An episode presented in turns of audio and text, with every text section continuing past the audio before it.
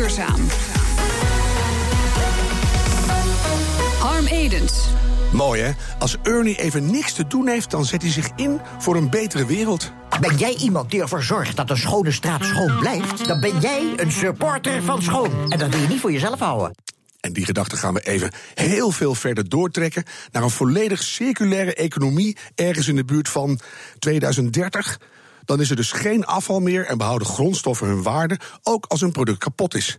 BNR Duurzaam duikt de komende weken in de verkiezingsprogramma's. Vorige week ging het over verkeer en vervoer. Volgende week over energie en klimaat.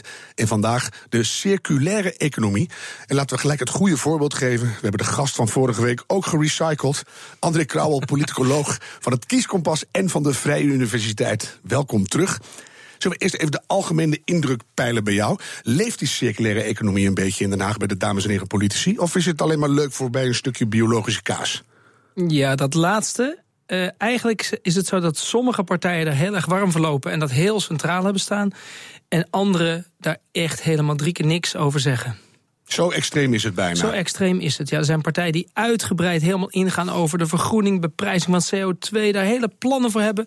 En anderen, nou, uh, nog net het woord statiegeld uh, valt. En dan is het ook wel uh, afgelopen met het milieubeleid. Dat was het dan. Want jij doet al jaren die, die kieswijzer, dat kieskompas. Ja. Als we nou even gewoon simpel vier jaar terugkijken. Hè, en nu. Zijn er dan ontwikkelingen zichtbaar dat partijen die er vroeger helemaal niks van moesten hebben. langzamerhand toch een beetje warm beginnen te lopen voor die circulaire economie? Nou, je ziet langzamerhand wel dat het milieu meer aandacht krijgt. Je ziet dat nu wel alle partijen ervan doordrongen zijn dat er een uh, milieuvraagstuk is. Want waar zie je dat In Nederland hebben we zeg maar niet zo'n Trump die dan roept... er is niks aan de hand of uh, vergeet het maar. Hè. Nee, maar als er niks staat behalve uh, statiegeld op plastic flessen... dan denk ik, ja, dat is niet, niet, niet veel. Ja, maar dan zie je wel, hè, kijk, VNL en PVV zijn zeg maar de minst groene partij... of het minst zeg maar in, in, in voor zo'n circulaire e economie. Maar je ziet wel dat zij juist door heel hard dat aan te vallen... Hè, van dat moet je niet doen en je moet het anders doen... en je moet niet zomaar bedrijven dwars zitten en burgers en dergelijke.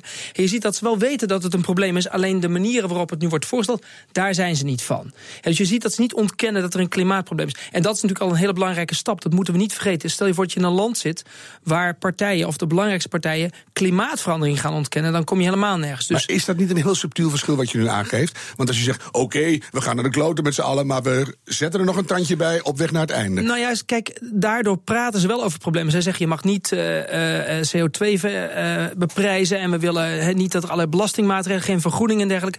Maar je ziet dat daar dan de VVD, die normaal wel zeg maar, het verhaal van Wilders deels overneemt, omdat ze dezelfde achterban hebben, mm. daar juist een hele andere stap maakt. Die vergroenen juist wel een beetje.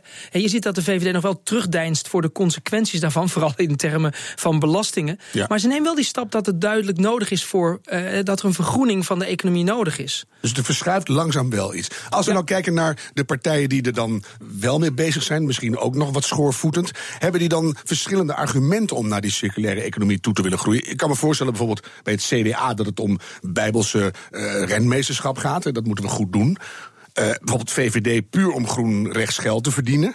Ja, als we, even, als we even naar twee groepen kijken, eigenlijk zou je kunnen zeggen: de linkse progressieve partijen zijn groen en de christelijke partijen zijn groen. En daarbij is opvallend hoe groen de ChristenUnie is vergelijken bij het CDA. Het CDA is eigenlijk een beetje, nou niet helemaal visieloos, maar weinig concreet. Ze hebben niks over kolen, niks over CO2-beprijzing, niks over fiscale vergroening, weinig concrete streefcijfers. Ze, ze, roepen wel dat het belangrijk is om iets aan het milieu te doen, want het is tenslotte het de aarde die we van uh, de Heer Jezus in gebruik hebben. Hè. Het renmeesterschap zetten centraal. Mm -hmm. Maar ze zijn lang niet zo concreet als uh, uh, hun, hun, hun broeders van, van de ChristenUnie. Die hele gedetailleerde uitwerking hebben hoe je die omslag moet maken naar die andere economie. En hoe komt dat, denk je? Omdat als je groot groeit, dan heb je zoveel belangen te dienen, dan kom je altijd in een soort slap compromis uit? Ja, dat weet, weet ik niet. Want kijk, ik denk dat deels natuurlijk ook de ChristenUnie bedient hetzelfde kiezers. Dus, en die durven wel voluit te gaan voor het groene. Dus ik zou niet weten waarom het CDA dat ook niet zou kunnen doen. Ik denk dat het CDA, en dat zie je wel, heel erg nog steeds de partij is van de boeren. Ik heb recent een onderzoek gedaan onder boeren. 80% zijn nog steeds voluit, ik stem op het CDA. En ik denk dat het CDA denkt dat als ik voluit, als wij nu voluit gaan voor een vergroening van, hè, dan, dan krijgen we last met die hele specifieke achterban. En vind je dat ook, of heb je daar geen mening over? Ik denk dan die boeren moeten toch ook snel groener? Er is ja, geen ontkomen meer aan. Ik, ik denk het ook. En je, je ziet ook, hè, waarom zij als boer heel erg je best doen om goedkope producten voor de Albert Heijn te doen, die je vervolgens dan weer gewoon mangelt om een lagere prijs eh, eh, te betalen. En je kan denk ik veel beter inderdaad meebewegen naar die groene economie van kwaliteitsproducten. Want je ziet dat daar gewoon ook een groeimarkt is. Maar goed, eh, er is nog steeds een massaproductie. Dus ook het verhaal: Nederland moet gewoon een grote producent van voedsel blijven.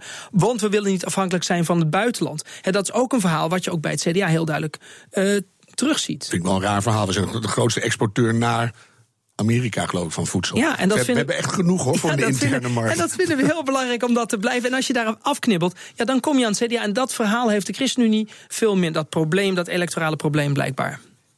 Denk jij als, als, als kiesdeskundige dat je het als partij nog kan veroorloven om eigenlijk helemaal niet met een circulaire economie bezig te zijn? Ik, ik denk het is het grootste ding wat we moeten doen nu. Klimaatverandering komt, is, is bezig. We moeten grootscheeps veranderen. Ja, maar dat komt, jij leeft natuurlijk in je eigen niche.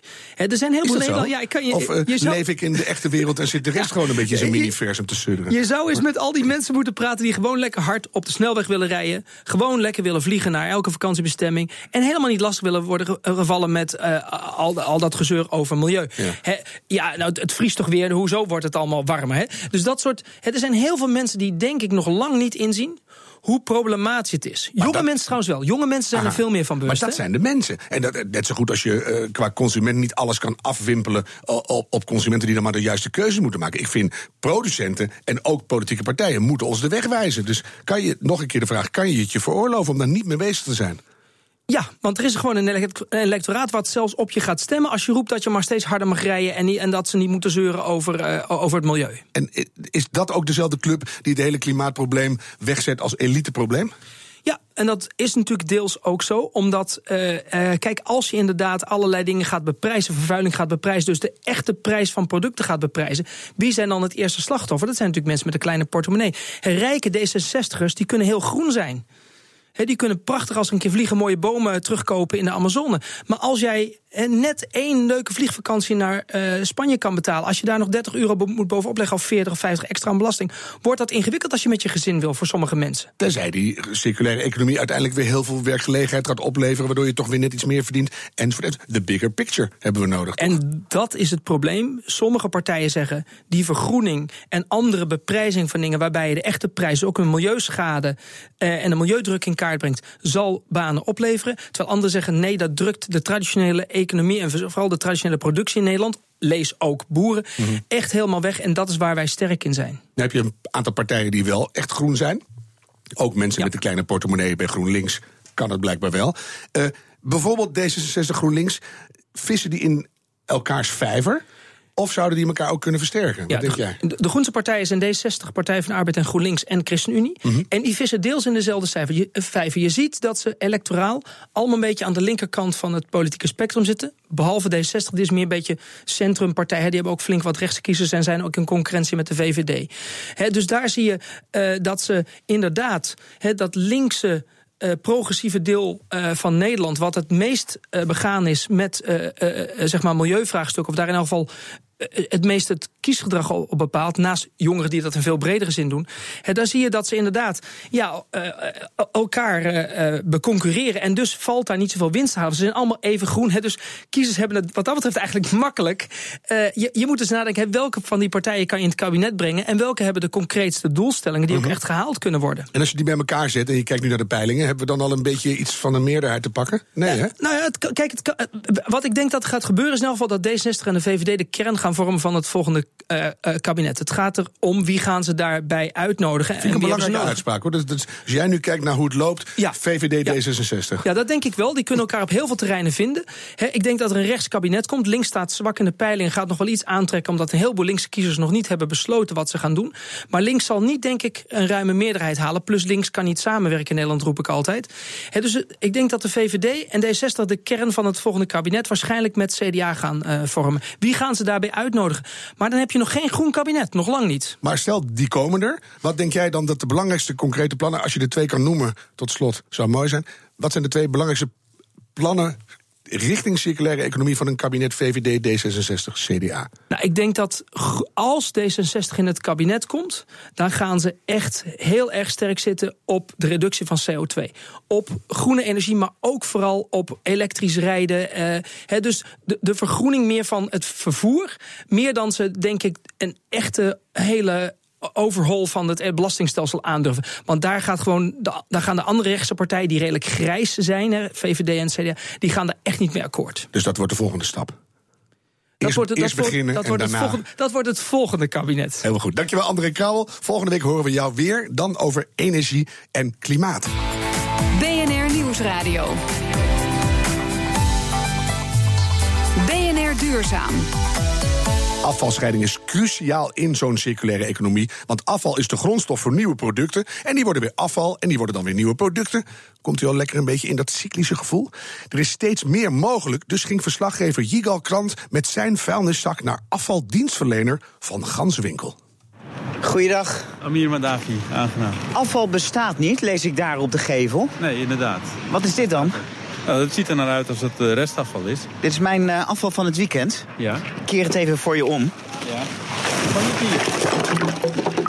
Ja. Zo. Nou, Hoe gaan jullie dit verwerken? Nou ja, um, dit is gewoon een doorsnee uh, restafvalzak wat wij met z'n allen thuis gebruiken. Ja. Uh, alleen helaas zitten hier van allerlei uh, dingen tussen die er eigenlijk niet tussen hadden kunnen liggen. Ja, Vertel. Ik zie, ik zie textiel. Ja, kijk, dit uh, overhemd heb ik net teruggekregen van de stomerij. Ja. Kijk, die vlek ging er niet meer uit. Nee. Dus uh, ja, daar kan niemand meer wat mee. Nou, dat weet ik niet. Maar wat gaat u ermee doen? Nou ja, goed, uh, als u dit zo blijft aanleveren... dan hebben we met z'n allen een heel groot probleem. Want wij pretenderen altijd dat je dus afval bij de bron moet gaan scheiden. En als we dat niet doen, dan, ja, dan, dan, dan kunnen wij namelijk... afval toch? Inderdaad, dat bestaat. Alleen wij moeten daar nieuwe grondstoffen van gaan maken. En als we daar met z'n allen uh, aan de voorkant niet goed opletten en dit accepteren, dan kunnen wij namelijk steeds minder grondstoffen maken. Ik ben expres voor dit item ook wel wat stouter geweest dan normaal. Ja, maar kijk eens, want u ja. zegt nou. bijna alles wat hier naar binnen gaat, wordt hergebruikt. Analyseer deze zak even. dat wil ik heel graag voor je doen. Alleen deze stroom komt hier helemaal niet binnen. Wij zijn hier ingericht om uh, grof huishoudelijk afval en bouw- en sloopafval uh, te handelen. En dan nodig ik je graag uit om mee naar binnen te gaan en te kijken. Dit is een infraroodscheider. Wat je ziet is dat al het gemengde afval op deze pan binnenkomt. Op het moment dat die hout herkent, worden, worden die sensoren actief en blazen ze dat stukjes hout over de balk heen. En dat ziet er dan vervolgens zo uit. Want dan scheiden we dus hout uh, van de rest van de stroom. Ja, ik zie hier twee lopende banden. En wat wordt hier dan weer van gemaakt? Nou, dit gaat bijvoorbeeld naar een Eneco. Dit, gaat naar, dit is geschikt voor de thermische uh, verbranding. Dit wordt naar de bio-energiecentrales gebracht. En dus bestaat afval wel een beetje? Een nuttige, nuttige oplossing ben ik toch benieuwd. Als we alles goed scheiden, hebben we dan echt geen afval meer in de toekomst. Gelukkig kunnen we dat zometeen vragen aan de CEO van Van Ganswinkel. En hoe dat dan allemaal weer samen gaat komen in het nieuwe grondstoffenakkoord. BNR Nieuwsradio. Duurzaam. In een circulaire economie is afval de grondstof voor nieuwe producten. Dat is mooi, want dan krijgen we niet steeds meer afval en vervuiling. Maar het is ook essentieel, want grondstoffen raken op. Oftewel, alles moet fundamenteel anders. Bij afvalverwerken van Ganzenwinkel zijn ze daar elke dag mee bezig. Max Zwaneveld, CEO van Van Ganzenwinkel. We hoorden net Jigal met zijn uh, vuilniszak bij jullie. Mag ik die zak nog even onder jouw neus duwen? Ik hoor textiel, plastic, koffiepads. Wat komen jullie allemaal nog tegen in die grijze zakken, met, met name ook die grijze bakken? Nou, die grijze zakken kun je van alles tegenkomen. Uh, dat is echt wat je als gezin verzamelt. Dus maak het maar zo gek als je wilt. Uh, het kan kloppen. Hè. Het was natuurlijk een prachtig voorbeeld. Die zakken, wat zijn alle spullen in die we daar dan weer niet kunnen gebruiken. Het is ook zo dat de lijnen verschillend zijn. Hè. Je hebt een lijn die veel meer op de kunststoffen gericht is. Dit is veel meer dan op de grofhuiselijk afval en bijvoorbeeld bouw- en sloopafval. Dus als je de verkeerde zak naar de verkeerde lijn brengt, dan heb je ook een puntje. Aan de andere kant, uh, het is natuurlijk wel heel nadrukkelijk wat hij ook zei. En daar sluit ik me helemaal bij aan. Ga nou aan die bron sorteren. Dan kun je dat veel beter in monostrooms naar de juiste verwerking brengen. En uh, nou, da daar kun je ook veel meer afval voorkomen. Maar dan kunnen we met textiel echt weer iets doen. Wat, wat gaat daar bijvoorbeeld mee gebeuren? Nou, bij textiel tapijten. Hè, tapijt wordt al uh, gerecycled. Uh, een ander bedrijf gespecialiseerd op textiel is Frankenhuis. dat is ook een bedrijf die daarin gespecialiseerd is. Nou, er zijn allerlei ook niche oplossingen voor te verzinnen. -hmm. Nou, nou beweren jullie al een tijdje, afval bestaat niet. En tot nu toe geldt dat voor ongeveer 94 procent, wat echt wel onvoorstelbaar veel is. Wat, wat blijft er nog over nu en wat gebeurt daarmee? Nou, ten eerste, ehm, als je praat over van die 100 procent, die 34 procent, dan moet je zo zien dat twee derde dat gaat naar grondstoffen en de rest is energie. Ook een nuttige toepassing. Je kunt dus nog steeds van die 66 procent een hoger percentage creëren. Want dat hoorden we net een beetje al. Dat de hout gaat af en toe, als er niks mee gebeurt, toch weer naar die verbrandingsovens. Lijkt mij eigenlijk qua grondstoffenbeleid een slechte manier van recyclen. Nou ja, wat je in ieder geval ziet, en dat is wat wij uh, voor uh, prediken en wat ook het verschil is uit het verleden, is dat je aan het verleden uh, sortering hebt, een stuk recycling. Zeggen wij nu, eigenlijk moet je kijken, dat is wel interessant, producten zijn tijdelijke opslagplaatsen voor grondstoffen. Nou, dat vind ik een heel mooi concept. En dat is het eigenlijk ook zo. Die, die grondstoffen die in die producten zitten, wat kun je daar dan mee doen? Kun je die terugbrengen in een nieuw product nadat deze afgelopen is? Of kun je die in een andere aanwending, in een andere toepassing krijgen? Die, in die omslag zitten wij nu. als je dan eigenlijk een beetje naar het verleden kijkt, want circulaire economie, dat klinkt mooi en nieuw. Maar vroeger had je een ijzerboer, de schrootmannetje, de schillenboer, eh, de voddenboer. Dus dat, dat was er eigenlijk allemaal al. Wat, wat doen we tegenwoordig hipper en beter en nieuwer? Nou, ik denk ten eerste dat we een deel daarvan een beetje kwijt zijn.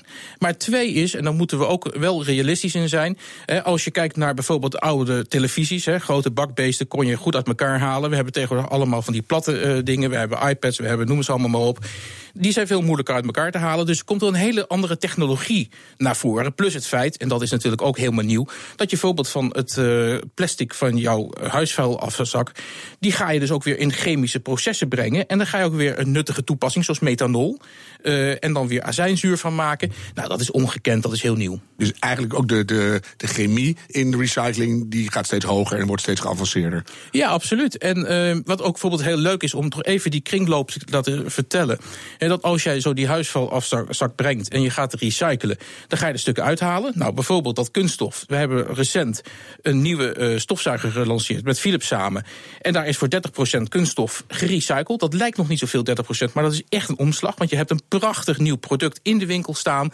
En dat zijn de oude Philips stofzuigers die weer terugkomen. Dat is één voorbeeld. Daar zie je dus echt dat die grondstoffen terug in het product gaan. En hoe heet die? De Eco-Sucker of zoiets goeds? Uh, ongeveer, ja. uh, Harm. En, maar als je dus toch op een gegeven moment die grondstoffen uh, niet in die producten kwijt kan... en er moet toch nog wat verbrand worden... dan is dat nog steeds een nuttige toepassing. Je krijgt warmte, je krijgt energie. Dus op een gegeven moment je kunt het je huis mee verwarmen. Maar wat aardig is, en daar hebben wij recent een fabriek voor geopend... dat die restassen die uit weer zo'n uh, verbrandingsoven komen... die maken wij met een aantal partners helemaal schoon... En die uh, werken wij weer op tot grondstoffen voor beton. Dus haal je toch weer weer terug? Haalt weer terug, want ja. sterker nog, je kunt het in je straat weer gaan beklinken. Dus je hebt niet alleen maar je warmte, maar je loopt ook op je eigen straat. Deze week gaan de overheid en het bedrijfsleven, onder andere van Ganswinkel is erbij, een intentieverklaring tekenen om een, tot een grondstoffenakkoord te komen. Wat, wat staat er precies in in dat grondstoffenakkoord? Wat, wat lossen we daarmee op? Wat natuurlijk de overheid wil, en ik denk ook heel veel bedrijven uh, dat heel ook onderschrijven, dat heb je ook gemerkt in die klimaattop Nederland recent, is dat men zegt wij moeten die grondstoffen, die primaire grondstoffen, in de keten houden. Nou, dat is wat ze gezegd hebben. De vraag is alleen even met welke snelheid en met welke maatregelen. Nou, er is gezegd 2050 volledig vrij, 2030 hele grote stappen gemaakt. Nu is natuurlijk de vraag, hoe kom je daar? Nou, hoe komen we daar, Mark? Is het niet wat te laat en schiet het wel op? Nou, te laat. Kijk, je kunt altijd wel zeggen, we hadden tien jaar geleden moeten beginnen. Ja, dat is niet meer relevant. tien jaar geleden moeten beginnen. Nou goed, Harm, we gaan in ieder geval, denk ik, heel hard verder. Mm -hmm. um, er zijn hele goede plannen. Uh, wat ik wel denk, en dat zijn wel twee hoofdthema's die ik nog naar voren wil halen. Eén is uh, het duurzaam inkopen. Ook, en dat uh, moeten wij met z'n allen doen, het bedrijfsleven. Maar ik denk dat de overheid hier een hele grote katalysator in kan zijn. De overheid koopt totaal met de decentrale overheden voor 60 miljard in. Ik denk dat er uh, veel meer kan gebeuren. Ik denk dat men echt moet nu gaan kijken van uh, hoe gaan wij onze aanbestedingen doen en op basis waarvan gaan wij nu ook de aanbestedingen gunnen. Nou, je ziet dat het vaak hele korte termijn contracten zijn. Contracten die nog steeds voor een heel groot deel gebaseerd zijn puur op prijs. Ik zou voor willen pleiten, iets langere termijn, iets meer innovatie erin brengen. Nou, dat is één ding wat je kunt doen. En, en zou dat ook kunnen? Want we horen net van André Krauwel dat die politieke partijen allemaal denken: ja, het is toch een beetje elitegezeur. Rijke mensen kunnen groen leven, arme mensen niet. Dus waarom gaat de overheid dan ineens zeggen: oké, we gaan het goede voorbeeld geven? Dat is nog wel een stap. Denk ik, denk dat de overheid daar een eigen rol in heeft. Het bedrijfsleven pakt het ook op. Je ziet dat er bedrijven zijn, voor, uh, vooraanstaande bedrijven, die ook echt bezig zijn met deze problematiek. Ik denk dat als de overheid nu deze stap zet, en dat kan ook, het hoeft ook niet veel meer te kosten. Het is alleen een kwestie van een andere manier van aanbesteden. Wij kunnen als bedrijfsleven op, als je iets meer tijd krijgt, gewoon innovatie ook kunnen investeren. Maar dan moet je wel een doorlooptijd hebben. Nou, als we dat doen, dan gaat de overheid denk ik ook gewoon mee. Alleen we moeten nu wel concreet die stappen maken. En loopt het bedrijfsleven niet heel erg ver voor op de overheid? Ik heb het gevoel dat die als een beetje het slechtste jongetje van de klas achter jullie aanrennen. Wat ik heel positief vind van de overheid, dat uh, zeker ook wat er nu gebeurt. Hè, kijk, wat staatssecretaris Dijksma aan het doen is. Ik geloof ook met de andere politieke partijen dat er echt een wil is. Er zijn natuurlijk altijd partijen die misschien, wat hebben we net gehoord, misschien iets achterlopen. Ik geloof dat er een uh, groot uh, draagvlak is om deze ontwikkeling te realiseren. Maar we moeten het nu gaan doen. Nou, dat is één voorbeeld. Het andere voorbeeld wat ik wilde noemen is toch een stukje fiscale vergroening. Dat is misschien een thema wat, wat, het, uh, wat discussie kan opwekken. Mm -hmm. Aan de andere kant, kijk naar een stimuleringsfonds voor duurzame energie. Waarom niet iets dergelijks op het gebied van duurzame materialen? En wat zou dat dan precies moeten zijn? Een subsidieregeling vanuit de overheid? Nou, je kunt ook daarin kun je natuurlijk gaan nadenken over hoe stimuleer jij nou dat bedrijven een hogere deel van hun product met die secundaire grondstoffen gaat gebruiken. Nou, dat kun je een, spreken, een soort subsidieregeling doen. Je kunt op een gegeven moment het belastingstelsel aanpassen. Je kunt daar op verschillende manieren bedenken. Dat is nog niet 1, 2, 3 helemaal geregeld. Maar ik zou daar echt voor willen pleiten om met overheid en bedrijfsleven hier heel concreet naar te gaan kijken. Van hoe kun je dat gaan doen? Dicht bij elkaar staan en samen optrekken. Ja, deze problematiek waar we nu voor staan die uh, kunnen we absoluut overwinnen. Ik denk dat de technologie, ik denk dat de wil er is. Het enige is, je moet nu eens een beetje van je eigen stoel af. En je moet in die ketens gaan samenwerken. Bedrijven ook onderling. Je moet durven uh, kennis te delen, data te delen. Het is een beetje het nieuwe denken. Aan de andere kant, daar zijn we toch mee bezig. En daar is het grondstofakkoord dus een hele goede stap in. Want dan ja. krijg ik er weer hoop van. Dat is het enige woord waar ik het tegenwoordig op doe. Zullen we hem toch even checken, Mark? Want we hebben hem niet voor niks onze minuut van de waarheid. En uh, Jigal was met die zak bij jullie. En afval bestaat niet, zeggen jullie. En wij hebben redacteur Ivan Verrips erop uitgestuurd. Want uh, die zocht het uit. De stelling wordt deze week beoordeeld door Ernst Worrel. Hoogleraar Energie, Materialen en Milieu bij de Universiteit Utrecht en lid van Het Groene Brein. Om de stelling te kunnen beoordelen, moeten we eerst definiëren wat afval eigenlijk is. Afval wordt meestal gedefinieerd als het, dat het geen economische waarde voor degene die het uh, zeg maar, wegdoet heeft. We moeten dus van de grijze bak af. Maar glas, papier en groen afval mag wel blijven bestaan. Terwijl, tja, dat is in onze perceptie misschien ook afval. We gooien het immers ook in een bak. De pure definitie van het heeft geen economische waarde voor degene die het weggooit. Ja, dan is alles wat wij in welke club bak dan ook uh, weggooien. En dat, dat gooien we er gratis in en dat heeft dus geen waarde meer voor ons. Maar het heeft nog wel waarde voor de maatschappij. Want wat, alles wat we zeg maar, niet in een grijze bak gooien, dat wordt uh, gerecycled. En dus wordt dat niet als afval beschouwd. Maar alles wat in een grijze bak komt, en dat wordt in Nederland verbrand... dat wordt wel als afval beschouwd. Want daar halen we eigenlijk alleen maar energie uit... en halen we geen ja, de grondstoffen op een beetje metalen na die halen we er niet uit en die gaan verloren. Bedrijven en dan vooral industrieën produceren ook afval. Meer dan de huishoudens. Maar er is hoop. Ook daar uh, valt veel uh, aan te doen en, en beter terug te halen en te recyclen. Maar ja, we zouden in theorie kunnen we alles terugwinnen en zorgen dat er echt nul afval is. Helemaal zonder afval zal op korte termijn niet lukken. Dat zijn de luiers, dat zijn de chipsverpakkingen, de chipszakken en zo. Nou, dat kan allemaal, kunnen we allemaal oplossen natuurlijk. Dus uh, dit betekent ook een hele grote uitdaging voor productontwerpers. dat we producten op zo'n wijze moeten maken dat we ze kunnen hergebruiken of kunnen recyclen. uiteindelijk moeten we, want ik, ik, ik heb dus ik denk niet dat we dan 100% circulair of 100% afvalvrij kunnen gaan.